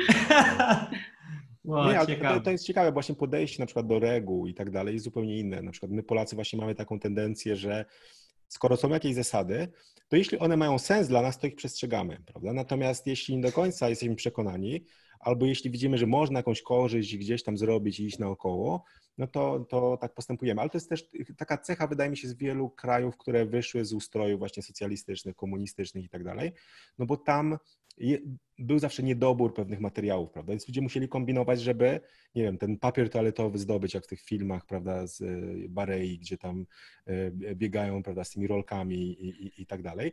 W tych krajach, gdzie generalnie ludzie mieli lepszą sytuację i finansową, i, gospodarczą, to nie było takiego zapotrzebowania, prawda? Bo nawet jak teraz, no też nie musimy kombinować, żeby zdobyć jakiś, jakiś produkt bardzo często, tylko po prostu idziemy do sklepu. Możemy mieć pieniądze lub nie, natomiast już nie ma takiej sytuacji, że czegoś nie ma, prawda? Że musimy znaleźć jakiś sposób, żeby iść dookoła. E, I e, też myślę, że to, co Polaków trochę gubiło, to było to, że w kraju, gdzie wszystko jest własnością państwa, a nie jakiejś prywatnej osoby, to my traktujemy trochę, że wszystko jest też nasze albo niczyje, prawda? Czyli, że jak ktoś weźmie, nie wiem, chodzi do, do pracy e, i bierze, nie wiem, jakieś przedmioty tam, nie wiem, czy mydło z łazienki sobie do domu, to on myśli sobie, ja przecież od nikogo nie kradnę, bo to jest niczyje, prawda? Bo to jest państwowe, więc każdy sobie może wziąć. I, i bardzo dużo osób z tego starszego pokolenia myślę, że miało taką trochę tendencję, żeby tak to traktować, że skoro to jest e, gdzieś tam w pracy, to jest niczyje, prawda? Natomiast w krajach, które były wychowywane w innej tradycji, takiej bardziej kapitalistycznej, gdzie wiadomo, idziemy do pracy, no ale ktoś jest właścicielem wszystkiego, prawda? No to też inaczej jest inaczej się podchodzi do takich reguł, prawda, że i nie trzeba kombinować i, i wymyślać jakichś tam wyjaśnień, tylko po prostu są jakieś reguły, których ludzie się uczą przestrzegać, więc to też jest, e, to też jest bardzo ciekawe. Myślę, że Skandynawia jest właśnie takim regionem, gdzie ludzie generalnie y, bardzo posłusznie wykonują pewne reguły, bo też mają zaufanie do tego, że te reguły są dobre, prawda? Bo to, to u nas to wynika z tego, że no my nie, do końca się, jesteśmy przekonani, że ta władza coś mądrego wymyśla, więc staramy się kombinować. Natomiast w Skandynawii myślę, że oni dużo, dużo bardziej e, podchodzą, prawda, tak e, na zasadzie, że mają właśnie zaufanie. A powiedz mi, czy, czy twój mąż właśnie Polaków na przykład, e, jak myśli o Polakach, czy widzi jakieś takie pozytywne cechy już znając nas dużo bardziej niż ta, taki przeciętny Szwed? Jak on, jak on Polaków postrzega. E, on twierdzi, że umiemy się świetnie bawić, że to jest coś, co właśnie bardzo lubi w Polakach, że po prostu jak my już, nie wiem, idziemy na jakąś imprezę, bo to jest, zawsze jest fajnie, zawsze jest spoko atmosfera i tak dalej i nie wiem, jakoś tak nasza umiejętność zabawy go urzekła w tym wszystkim. E, nie wiem do końca, jak to wyglądało też, bo on nie jest z miasta, więc też ma inne, powiedzmy, doświadczenia ze swojej młodości, tak? Bo on sobie siedział tam w tym lesie i żeby się spotkać z kimkolwiek, nie wiem, ze szkoły czy coś, to musiał jechać tam godzinę autobusem, tak? Więc też troszeczkę, a jeszcze, żeby do, w ogóle dojechać do autobusu, to 40 minut na rowerze, więc jakby zupełnie inna sytuacja. Y, natomiast właśnie mówił, że jesteśmy mm, no tacy po prostu, nie wiem, że potrafimy się wyluzować także też, ale z drugiej strony zauważył, że Polacy też dużo narzekają, więc myślę, że to to jest prawdą, ale wydaje mi się też, że to jest prawdą, jeżeli chodzi o każdą nację, że każda nacja gdzieś tam na coś zawsze narzeka, zawsze się znajdzie ta grupa, która znajdzie coś, jakiś powód e, do tego, żeby być niezadowolonym, więc nie wiem, czy to jest takie bardzo typowo polskie, aczkolwiek zauważył, to nie wiem, może dlatego, że Szwedzi nie, nie narzekają tak bardzo jak Polacy. A, a ja, mam, ja mam pytanie, co według, co według Ciebie jest bardzo e, typowo we Szwecji, albo co jest bardzo szwedzkiego? Świet, na przykład, że śpię świetne, co jest szwedzkie, co co oddaje taki obraz Szwecji, co, co, co będziemy mieli. Bo na przykład jak mówi, ktoś mi mówi Szwed, Szwecja, to od razu myślę o strömming, o tym, o tą rybkę, nie? I zaraz pytam cię też zjadłeś, nie wiem. Nie, nie zjadłam, nie, nie odważyłam się, także od razu ci mówię, że to jest... Ale musiałeś, czy, czy było okazja, nie wiem, czy, czy rodzina męża Dylektujesz się tym? Czy... nie, nie, na szczęście nie. U nich tylko śledzie, jeśli chodzi o rybki, ewentualnie łosoś, ale nie, nie, znaczy śledzie, nie surströmming, tak, tylko ten normalny śledź, także, także spoko. Mm. Ale y, ja sobie pomyślałam o tym, że oni mają tą fikę, także w ciągu dnia zawsze... Właśnie chciałam pytać właśnie o, o, o tę fikę tak. właśnie. Tak, to jest rzecz święta po prostu. Też jak zawsze jesteśmy u ojca Johana właśnie z wizytą czy coś, to Elwan Kloka jest po prostu godzina 11 i musimy się napić kawy i są e, bułeczki cynamonowe albo nie, albo są jakieś ciastka i tak dalej. To jest po prostu święty czas, musimy sobie usiąść i z kawą, tak, i tak trzeba po prostu... Ale czy to jest kilka razy dziennie? Bo, bo tak słyszałem, nie? że niektórzy robią to kilka, kilka razy dziennie, tak? A, albo jak ktoś chce pogadać z kimś na szybko, to robi fika też, gdzieś, gdzieś tak. na kawiarni, na mhm. kawę, na, na te bułeczki cynamonowe, byle, nie? To te, te bułeczki. Tak. Dokładnie, tak, tak, tak, to jest dokładnie to, po prostu jak jest okazja, to jest, to jest fika i też nie ma znaczenia, czy to jest przed południem. Też jak właśnie e, jeszcze mieliśmy jakichś tam gości, e, dodatkowo taty Johana, to też była kolejna fika, więc masz rację, tak, że to po prostu jest... A czy e, więc, więc z tego wynika, że oni piją więcej kawy niż herbatę, bo, bo, bo przy, przy, przy tym momencie to się pije kawa. Nie, nie wiem, nie wiem tak. czy to tak. jest mocna kawa, tak jak w Brazylii, czy to jest bardzo wodniste, jak to jest, ale kawa raczej, a nie herbata, nie? Zdecydowanie, tak, to jest kawa i akurat tu taty Johanna zawsze jest mocna, po prostu jak szatan ta kawa i jest... E, więc nie już to jest tak jak się mówi to na Śląsku, czyli pijesz siekierę. No pasuje, mieszka blisko lasu, nie? tak. Ma to sens, dokładnie. Super. Mm, bo, bo, rozmawialiśmy właśnie o tych e, Polakach, którzy wyjeżdżają do Szwecji. Jedno takie pytanie mi przyszło do głowy, bo, bo mówiłaś, że pojechałaś do Norwegii też, prawda? I dogadywałaś się po angielsku. I teraz pytanie, czy ktoś, kto wyjeżdża do Szwecji, na przykład do pracy, planuje na, na, jakiś czas pojechać, czy warto jest w ogóle uczyć się języka szwedzkiego, e, Twoim zdaniem? Czy poradzą sobie na przykład z samym angielskim tam w Szwecji? Czy jak, jak, to, jak to widzisz ze swojego doświadczenia, ze swojej perspektywy, też mieszkania w Norwegii, bo myślę, że tutaj Norwegia, Szwecja bardzo podobnie e, to będzie wyglądało.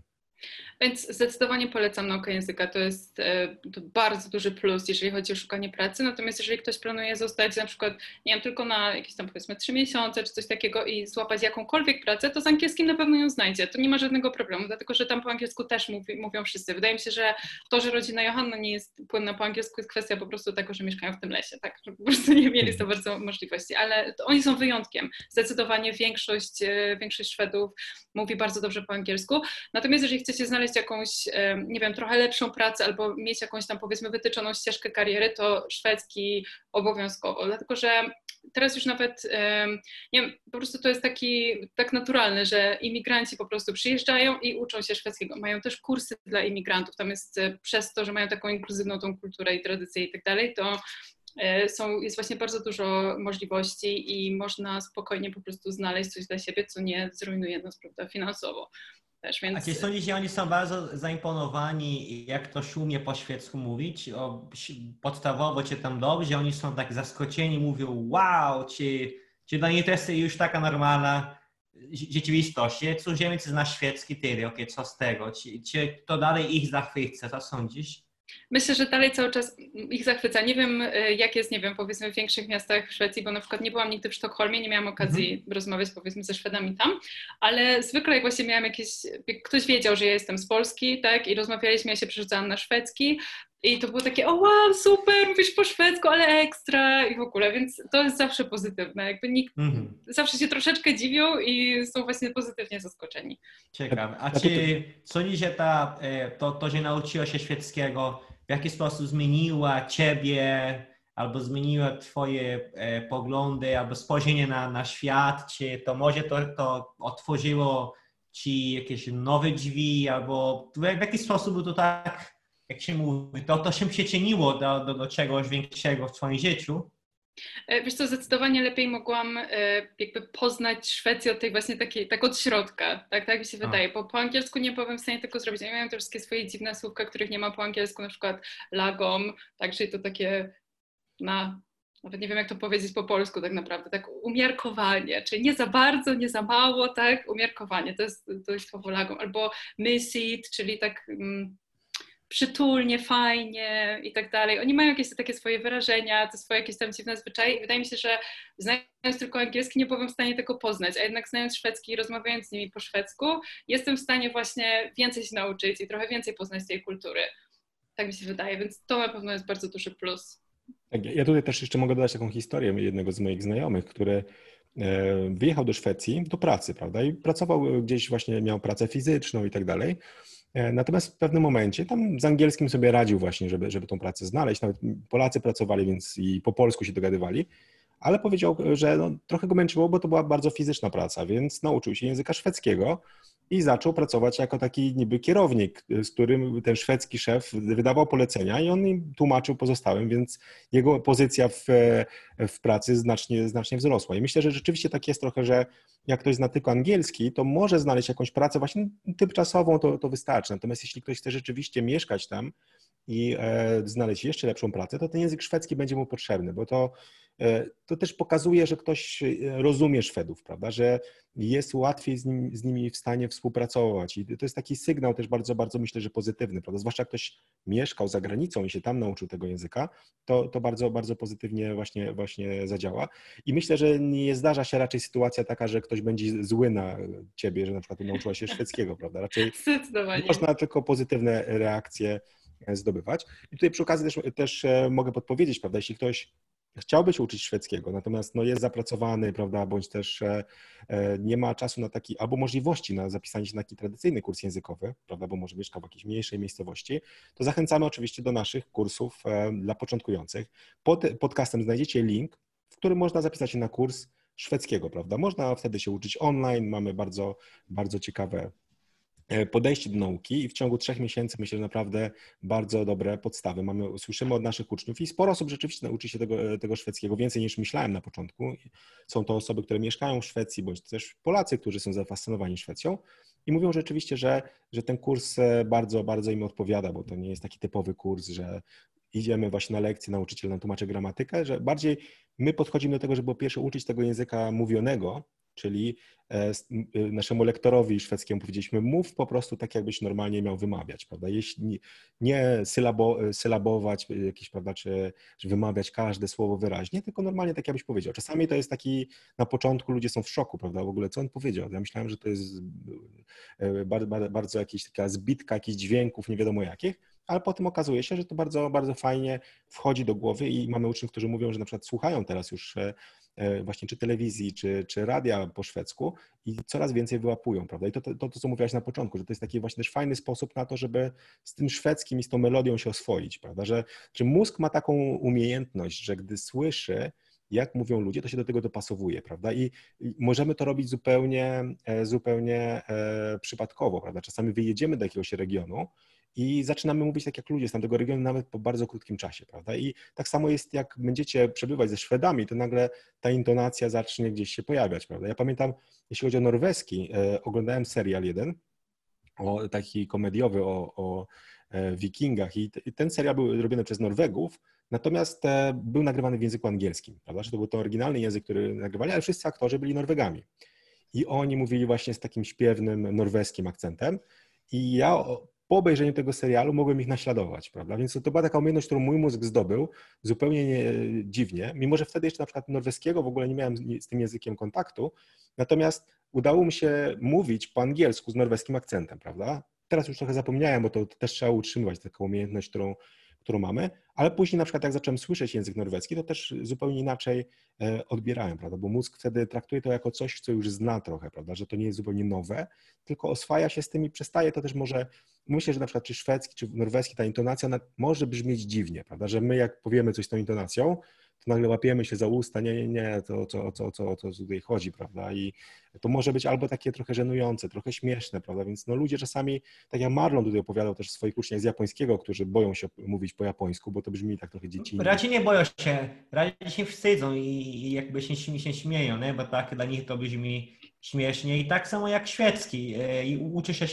szwedzkiego i też już poznałem osoby, które się uczą i, i wiem, że nie każdy mówi z tą odpowiednią melodią, bo tak raczej mm, czasami nie chcą, bo tak czują się dziwnie, tak? To jest taki czynnik psychiczny, tak? Że po co mam, po co mam brzmieć po, po, e, jako Szwed, skoro jestem Polakiem na przykład, ale nie, nie o to chodzi, żeby, żeby, te, żeby to było e, przyjaźniej, tak? Dla, dla uszy tego, który słyszy I, i czasami to jest w ogóle potrzebne, żeby rozumieli o co chodzi, nie? Bo jak ktoś nie jest przyzwyczajone, tak, tak jak właśnie sam mówi Gosia, do, do innego brzmienia własnego języka, to nie do końca rozumiem. Tak jak wiem, że nie jesteś Szwedką, ale, ale znasz dobrze szwedzki i słyszysz nagle ten, ten akcent fiński, tak? Podczas gdy ktoś mówi po szwedzku, to niekoniecznie łapiesz.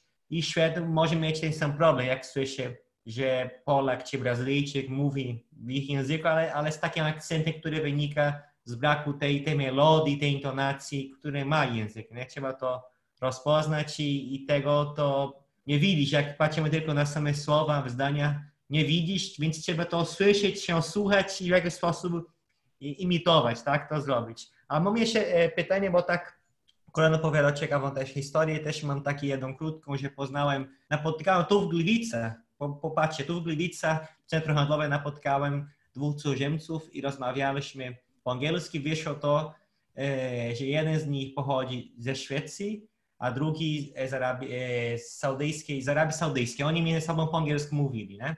A, więc e, ja byłem zdziwiony, bo taki jeden był trochę taki ciemnoskóry, a drugi taki, taki prawie blondyn, ale dla mnie tak ten blondyn wyglądał na Szwedę i, i do niego tak coś mówię po szwedzku, nie? Bo tak oni mówili, że, że a, ze Szwecji i z, z, z Arabii Saudyjskiej pochodzimy, ale nie mówili, kto pochodzi tak skąd, nie? I myślę, okej, okay, no to jest no, świetne. I do niego coś mówię po szwedzku. Hej, Mary, tak, takie coś. Ja tak, nie, nie, nie, ja nie mówię po szwedzku, ja, ja po arabsku. Tak patrzę. Aha, więc ty jesteś Arabem i ten drugi ciemny skóry to świat, tak.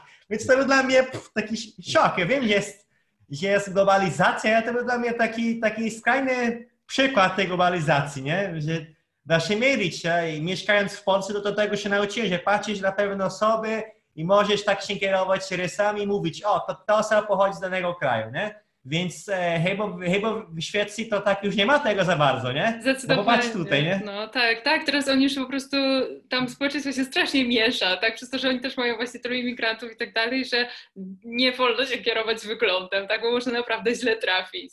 tak, tak jak ja właśnie, ten, ten, ten który wygląda na Szweda, to pochodzi, nie znał szwedzkiego i był Arabem jeszcze, a ten drugi wygląda na Arabem i był Szwedem i myślałem, że oni sobie robią jaja, ale rzeczywiście z tym drugim gadał trochę po szwedzku. Tak, był tak w o, ty trochę tam umiesz po szwedzku. Nie?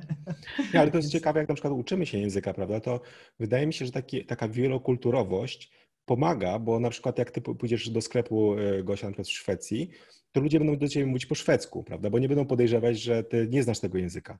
Podczas gdy w hmm. Polsce na przykład, gdy mamy osobę, która wygląda na obcokrajowca, a może być na przykład mówić świetnie po polsku, to ludzie będą mówić do niej po angielsku, prawda? Czyli, no ja czasami tak nawet mam, jak idę z żoną, prawda, która no, wygląda jak osoba z Indii, więc no, ludzie podejrzewają, że ona jest z Indii, że ja też być może jestem obcokrajowcem, więc do mnie też mówią po angielsku. Więc e, no, to, to jest takie, prawda, ja czuję się właśnie jak taki, taki ktoś, kto chce się uczyć języka polskiego, a nie może na przykład. Natomiast, e, natomiast myślę, że to jest też takie ułatwienie, prawda? Na przykład tak samo, nie wiem, w krajach angielskojęzycznych też, prawda? Możecie od razu ćwiczyć język angielski, bo no, nikt nie będzie podejrzewał, że tego języka nie znacie, prawda? Czyli, czyli to tutaj gdzieś, gdzieś tak funkcjonuje. A, a powiedz mi w ogóle, jak czy ta wielokulturowość jakoś wpływa w ogóle, bo też rozmawialiśmy przed podcastem, prawda, że to, co jest ciekawe, że często e, na przykład w języku szwedzkim nie ma tej formy już e, pan, pani, czyli oni używali formy they, ni, czyli wy, Natomiast no, generalnie, ponieważ to społeczeństwo było, była ta równość większa, no to prze, przestali używać tego tak, tak często jak kiedyś. Natomiast ci imigranci, którzy się pojawili, w swoich językach bardzo często, i tutaj nawet Polacy się przyczynili, mają tą formę pan, pani, więc oni chcą tej formy używać, prawda? Więc zaczęli przywracać tę formę trochę w języku szwedzkim. Ale czy też widzisz coś, może jakieś zmiany, może jakieś, nie wiem, czy, czy słowa trafiają do języka szwedzkiego, czy, czy jakoś ten język się zmienia, przez to, że właśnie y, y, jest duży napływ osób z innych krajów, prawda, które porozumiewają się różnymi językami, prawda, czy to słowiańskimi, czy to e, jeszcze innymi, prawda. Jak, jak, to, jak to wygląda? Czy, czy obserwujesz tego typu rzeczy, czy może twój mąż e, zauważył jakieś zmiany? Bo też mieszka za granicą, prawda, więc e, też pewnie obserwuje trochę ten język, jak on się zmienia i on w tym nie uczestniczy, prawda, bo, bo mieszkacie w Irlandii.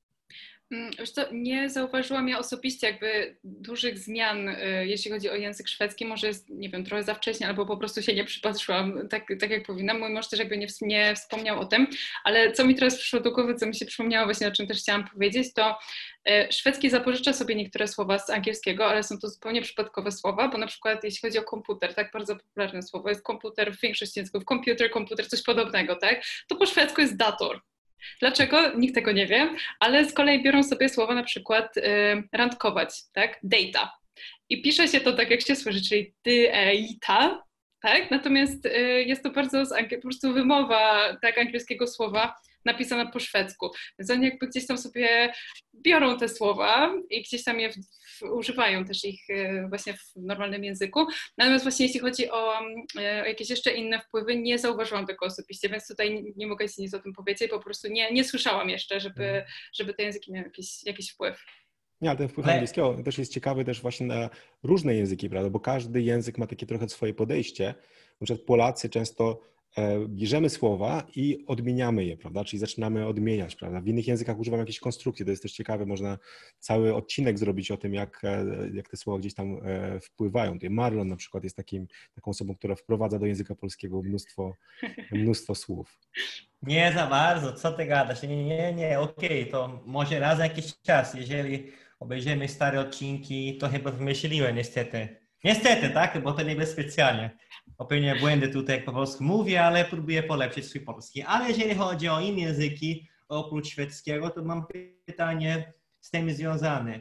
E, czy poznałaś albo słyszałaś, e, jak mówią Lapończycy, Samowie, którzy zamieszkują e, te tereny północne, tak? E, północne krainy, krainy właśnie e, Laponię, nie? skąd ponoć pochodzi święty Mikołaj, nie? więc poznałaś ich, bo tak, bo Lapończycy, jak rzeczywiście mówią we swoim języku, to oni zupełnie inaczej mówią niż Szwedzi, ale na tak. pewno uczą się i dobrze umieją po szwedzku, ale wiem, że robią programy w ich języku, jest do pewnego stopnia nauczanie tych, tego ich języka wprowadzone tam gdzieś na północy, bo ten ich język jest związany raczej z fińskim, nie? A tak. poznałaś, nie wiem, czy miałeś okazję poznać albo słyszeć, jak to, bo, bo wiem, że nie ma ich dużo i oni są bardziej tam na północy gdzieś, nie? Właśnie niestety nie. Bardzo żałuję, że niestety nie miałam okazji ich poznać ani posłuchać, aczkolwiek wiem, że w, w Norwegii na pewno obchodzi się właśnie Dzień Kultury Samu, więc tam jest bardzo, mm. jakoś tak stara się to, nie wiem, jakoś o nich nie zapomnieć, że tak powiem, bo tak jak mówisz, oni są tam bardziej na północy i nie są powiedzmy jakąś ogromną społecznością, ale gdzieś tam cały czas w tej kulturze, kulturze są, także wiem, że są wspominani, świętuje się ich właśnie dzień i tak dalej, ale no niestety nie słyszałam, jak mówią, nie miałam, nie poznałam nikogo z tamtych terenów. A jeszcze tutaj nie zdradziliśmy sekretu, że ty obecnie mieszkasz e, gdzieś indziej, tak? I możesz nam, nam właśnie mówić widzom. I tam, gdzie mieszkasz, to poznałeś już e, Szwedów? Ja zakładam, że Polaków tak, ale Szwedów jest bardzo mało, w ogóle jest tu kilku dosłownie w Dublinie. Wiem, że Johan pracuje z kilkoma, ale tam jest chyba ich, nie wiem, trójka może w całym biurze, więc jakby tutaj Polacy tak, chodzę tutaj gdzieś, wychodzę przed dom i słyszę polski non-stop w Dublinie. To jest, to jest prawda, więc jakby to jest e, kolejny, chyba drugi język, którym się tutaj mówi, tak, więc e, jesteśmy największą mniejszością w Irlandii, ale Szwedów jest bardzo mało w ogóle po prostu po całej, po całej Irlandii, także nie, ja osobiście żadnego nie spotkałam, właśnie u Johana w pracy jestem ich paru, ale to, to wszystko, także no nie, nie za wiele. A, a, takie pytanie już może, może na koniec, żebyśmy tak czymś takim pozytywnym e, zakończyli. Tak jak e, poznałaś Szwedów, czy są jakieś takie cechy Szwedów, które chciałabyś, żeby Polacy e, czy przejęli, czy też na swój grunt przenieśli? Może jakieś tradycje, może jakieś właśnie zachowania, czy, czy no, jakiś sposób postępowania? Tak, co mi się bardzo podoba u Szwedów, to to, o czym już mówiliśmy, tak, że są tolerancyjni, że, są, że tak akceptują wszystkich, że wszyscy są, że tak powiem, welcome, tak, jeżeli chodzi o ich kraj i tak dalej.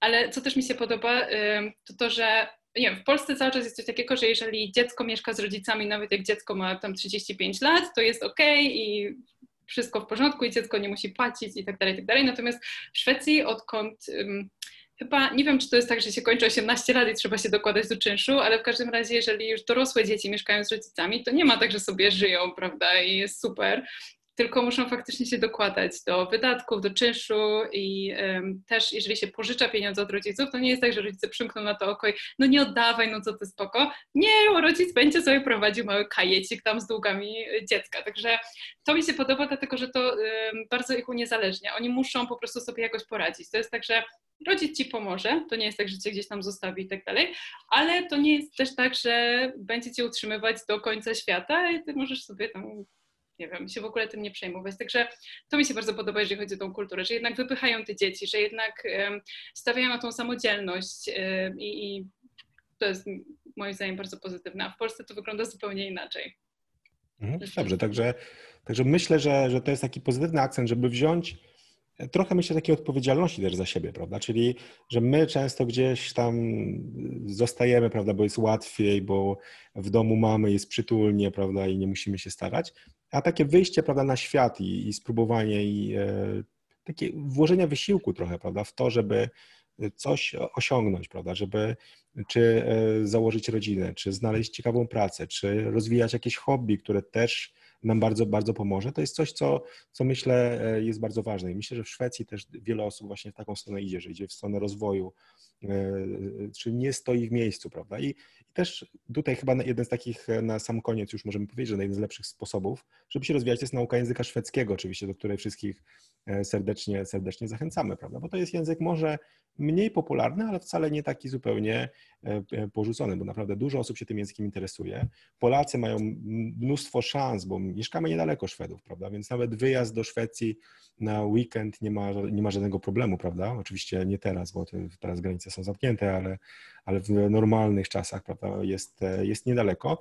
A jest to taki, taka kultura, która jest bardzo ciekawa, prawda? Że może, ja zawsze mówię, że te różnice kulturowe, one pozwalają nam lepiej zrozumieć siebie, prawda? Bo my wiele rzeczy robimy, ich nie zauważamy, natomiast gdy mamy zetknięcie takie z inną kulturą, która no, wiele rzeczy ma podobnych, ale ma jakieś drobne różnice, prawda? To pozwala nam zauważyć coś, na co my codziennie nie zwracamy e, uwagi, prawda? Dlatego myślę, że tutaj jak Marlon jest na tych naszych też e, podcastach, to też jest ciekawie, prawda? Bo nasi widzowie na pewno muszą, muszą też to przyznać, bo, bo, bo on ma inne spojrzenie, on trochę inaczej na pewne rzeczy patrzy, więc, więc jest, to, jest to bardzo ciekawe. Więc także Gosiu, bardzo dziękujemy Ci za, za przybycie i myślę, że nasi widzowie, którzy dotrwali do tego momentu, E, na pewno im się podobało, więc prosimy Was o, o to, żeby lajkować ten podcast. E, te podcasty z gośćmi najlepiej chyba tutaj e, lubicie, bo to zawsze najwięcej jest tych pozytywnych reakcji. Nawet nie muszę nikogo banować za jakieś złe komentarze, także, także cieszę się bardzo, że same pozytywne głosy od Was słyszymy. Także dziękujemy Ci Gosiu bardzo i pozdrów oczywiście męża, także od pracowitych Polaków i takich tutaj kombinatorów Brazylijczyków, którzy też znajdują się na tym. A, tak, tak. Pozdrawiam wasze, wasze męże i jego rodziny. Jak ktoś chce zostawić komentarz po szwedzku, zachęcamy, a po samsku też byłby super. A tak, to dla mnie też ja bardzo chętnie poczytam, że bardzo Wam dziękuję, to było super porozmawiać z Wami o Szwecji. Tak jest. Także dziękujemy i do zobaczenia już w kolejnym odcinku naszego podcastu. Pa, pa, do zobaczenia. Hej do! Hej do!